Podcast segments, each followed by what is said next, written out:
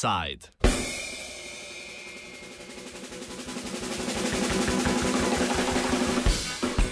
Polietilenske sanje.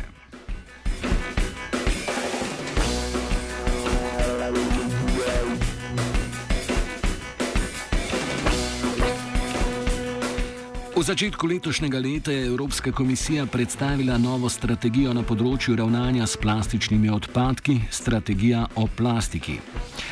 O razlogih za razvoj strategije na prvem letošnjem plenarnem zasedanju Evropskega parlamenta prvi podpredsednik Evropske komisije Franz Timmermans. In last year's special Eurobarometer survey, 84% of European citizens said that they are worried about the impact of plastics on our environment. The Commission also received a petition signed by 800,000 Europeans calling us to deliver an ambitious plan. With this strategy, we aim to foster a new, sustainable and profitable plastics economy where the design of products and other parts uh, of the production chain take into account reuse and recycling needs.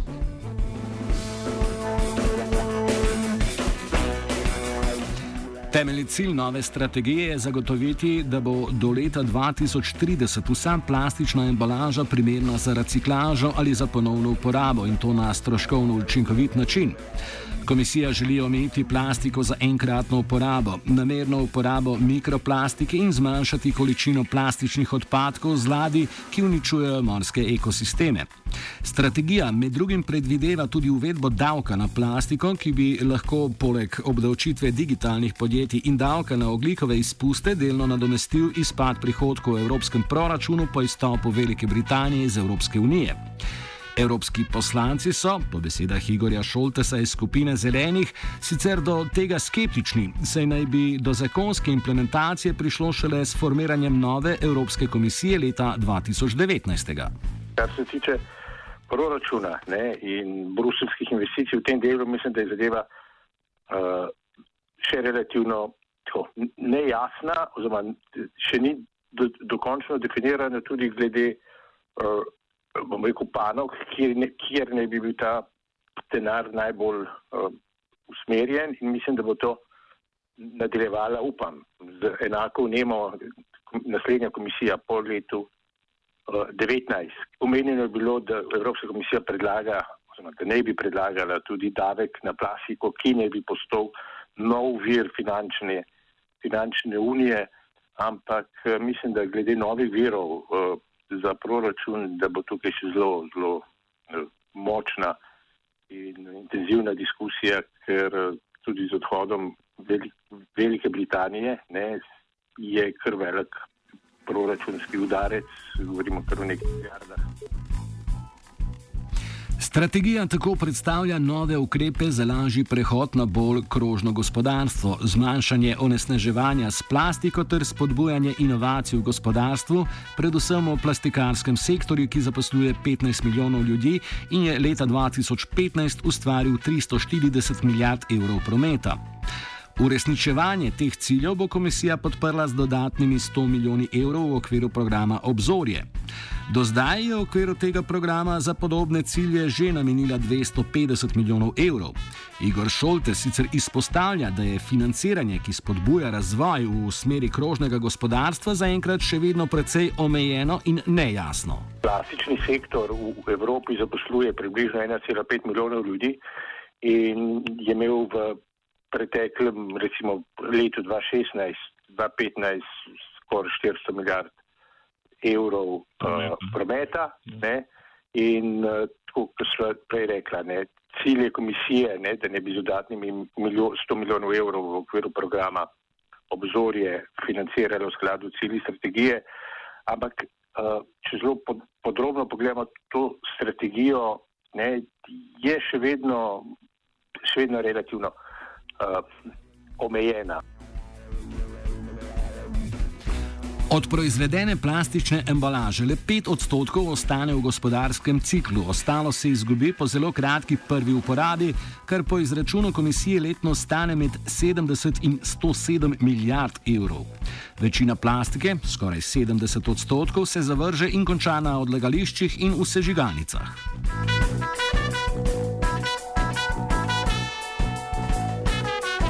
Ravno na tem področju pa zasledimo največjo disonanco med okoljevarstveno politiko Evropske unije, ki jo med drugim predstavlja strategija o plastiki in dejanskim ravnanjem s plastiko in plastičnimi odpadki.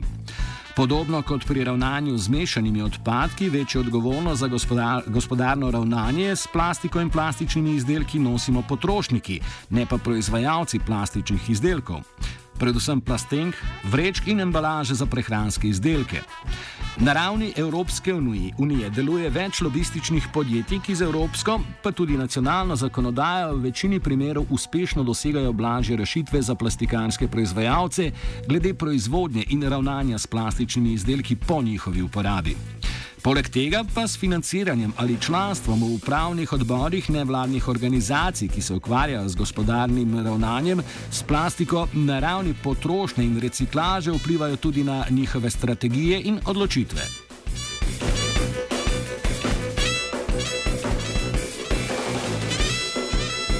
Na to v svoji nedavni študiji opozarja tudi korporativni Evropski observatorij, ki je izdelal detaljno analizo lobistov več evropskih panožnih združenih proizvajalcev plastične embalaže za hrano in pijačo. Eden izmed lobistov je Imon Bates, predsednik lobističnega podjetja Imon Bates Europe Public Affairs. Bates zaseda mesto generalnega sekretarja v podjetju Serving Europe, ki združuje gigantske proizvajalce hrane in pijače, med drugim Burger King, McDonald's in Starbucks. Pa tudi mesto generalnega sekretarja v podjetju Pack to Go, panožnem združenju proizvajalcev embalaže za enkratno rabo za podjetja s hitro prehrano. Kot pokaž, eh, pojasni Vicky Kahn, raziskovalka korporativnega Evropskega observatorija, se je Bates kot eh, predstavnik obeh podjetij v zadnjih letih večkrat sestal z Evropsko komisijo, pri kateri je lobiral za ukrepe v smeri večjega ozaveščanja potrošnikov in zakonodajnih sprememb glede ravnanja z odpadki, ki bi koristili plastikarskim proizvajalcem. Um, we don't know the exact work that um, the Amen Bates um, lobby firm does for um, for Pack to Go.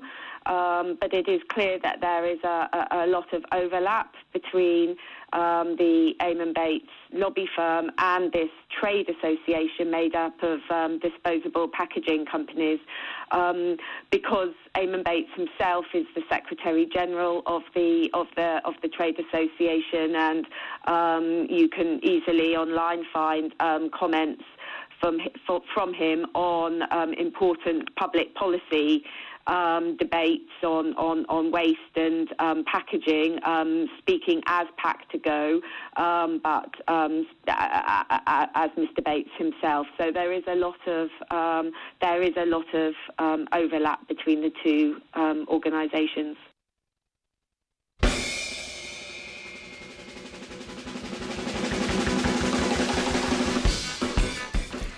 Presečišče interesov plastikanskih lobistov z nevladnimi organizacijami postane očitno ob dejstvu, da Bates med drugim zaseda tudi mesto generalnega sekretarja v podjetju Clean Europe New Network. Podjetje, ustanovljeno leta 2012 kot hčerinska družba preomenjenega Pack2Go, je sicer poznano pod imenom European Litter Prevention Association, ki v sodelovanju z nevladnim sektorjem in javnostjo izboljšuje in oblikuje sisteme in tehnike za preprečevanje ustvarjanja odpadkov za enkratno uporabo in upravljanje z njimi. Vpliv obeh podjetij na oblikovanje industriji všečnih kampanj je po besedah Viki dokaj očiten. Um, I, I, mean, I think those two, the two trade associations serving Europe and um, Pack to Go, as far as I'm concerned, I think they are separate, but I think they have common, they have common interests. And you're right that um, Eamon Bates plays a, an important role in both organisations. I mean, Serving Europe is made up of fast food um, chains, um, take out um, food, so where there must be a lot of emphasis on um, disposable um, packaging products, and of course that's exactly what Pack to Go members sell. So there is a lot of um, there is a lot of overlap there. I detect that Serving Europe is less prominent in some of these debates around um, around packaging, but I think it's significant that um, Eamon Bates represents both um, both trade associations. Sogovornica se z evropskim poslancem Igorjem Šoltesom strinja, da uvedbo obdavčitve plastike in plastičnih izdelkov za enkratno uporabo ovirajo močni lobistični interesi plastikarske in embalirne industrije ter astronomski prihodki, ki jih te ustvarjajo in dosegajo med 300 in 400 milijardami evrov letno. Um, tool that we have to tackle our dependence on particularly disposable and single use um, packaging. Um, so I think uh, uh, uh, taxation solutions are important, and they are, on, as you say, they're on the agenda in Brussels and elsewhere. I think it's clear that industry will be very opposed to those um, solutions. Um, and um, but I so I think that is um, that there will be lobbying against it, and we are investigating that at the moment. But I also think that taxation issues at the EU level are very very difficult because of the way that decision making is constructed at the um, at the EU level. I think um, um, this proposal on taxation was initially on, on, plastics taxation was initially put forward by the budget commissioner, um, um, as you say, to try and fill a hole in the in the EU finances once Brexit um, takes place.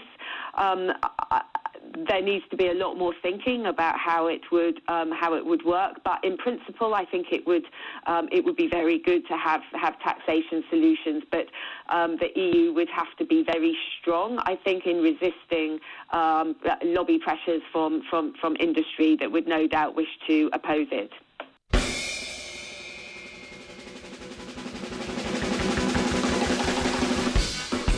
Pri nas lobistični interesi plastikarske industrije niso vidni na prvi pogled, se pa pokažejo pri tako imenovanem zelenem pranju potrošnikov ali greenwashingu.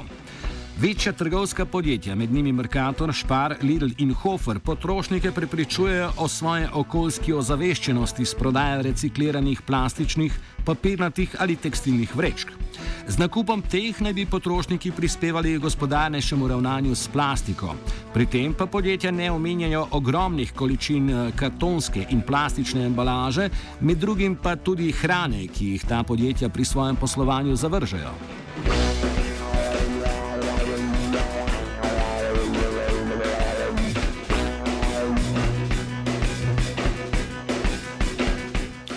Sprega trgovskih podjetij z nevladnimi organizacijami, ki se ukvarjajo z zaščito okolja, je prisotna tudi v Sloveniji.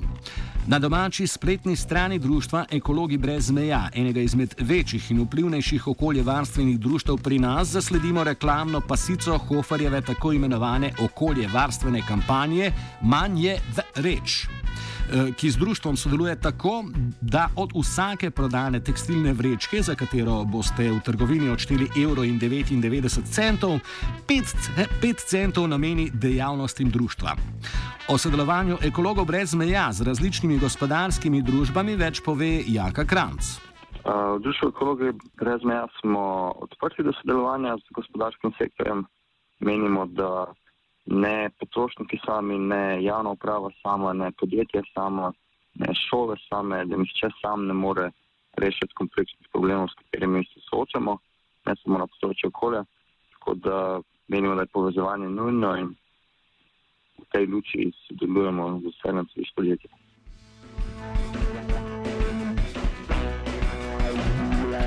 Hofer je do zdaj predal nekaj več kot 13 tisoč vreč, ekologi brez meja pa bodo od tega tako dobili nekaj manj kot 700 evrov.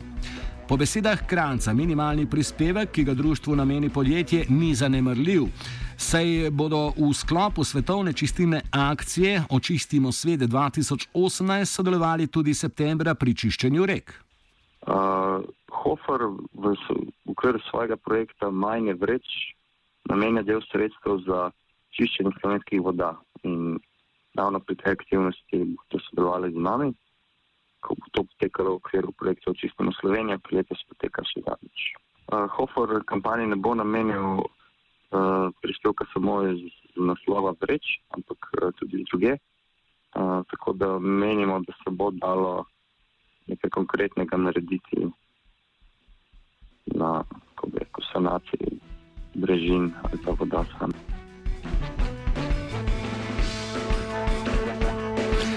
Kranc je sicer vodil lahkotno kampanjo hashtag plastični post, eh, ki je v obdobju med 14. februarjem in današnjim dnem na spletu z deljenjem fotografij ljudi ozaveščalo o smiselnosti izogibanja plastičnim vrečkam in plastiki za enkratno uporabo.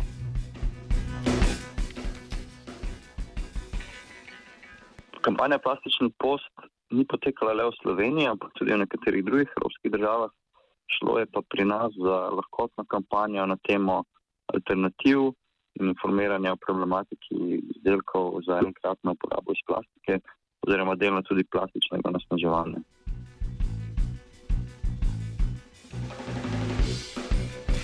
Ne pozabite torej naslednjič, ko nakupujete v Hoferju ali kateri drugi trgovini, se bojo vzeti papirnati ali blagnate vreče. Lahko pa jo tudi kupite in prispevate za boljši svet brez plastične embalaže in plastičnih odpadkov. Saj veste, ko je manj vreč, imate več.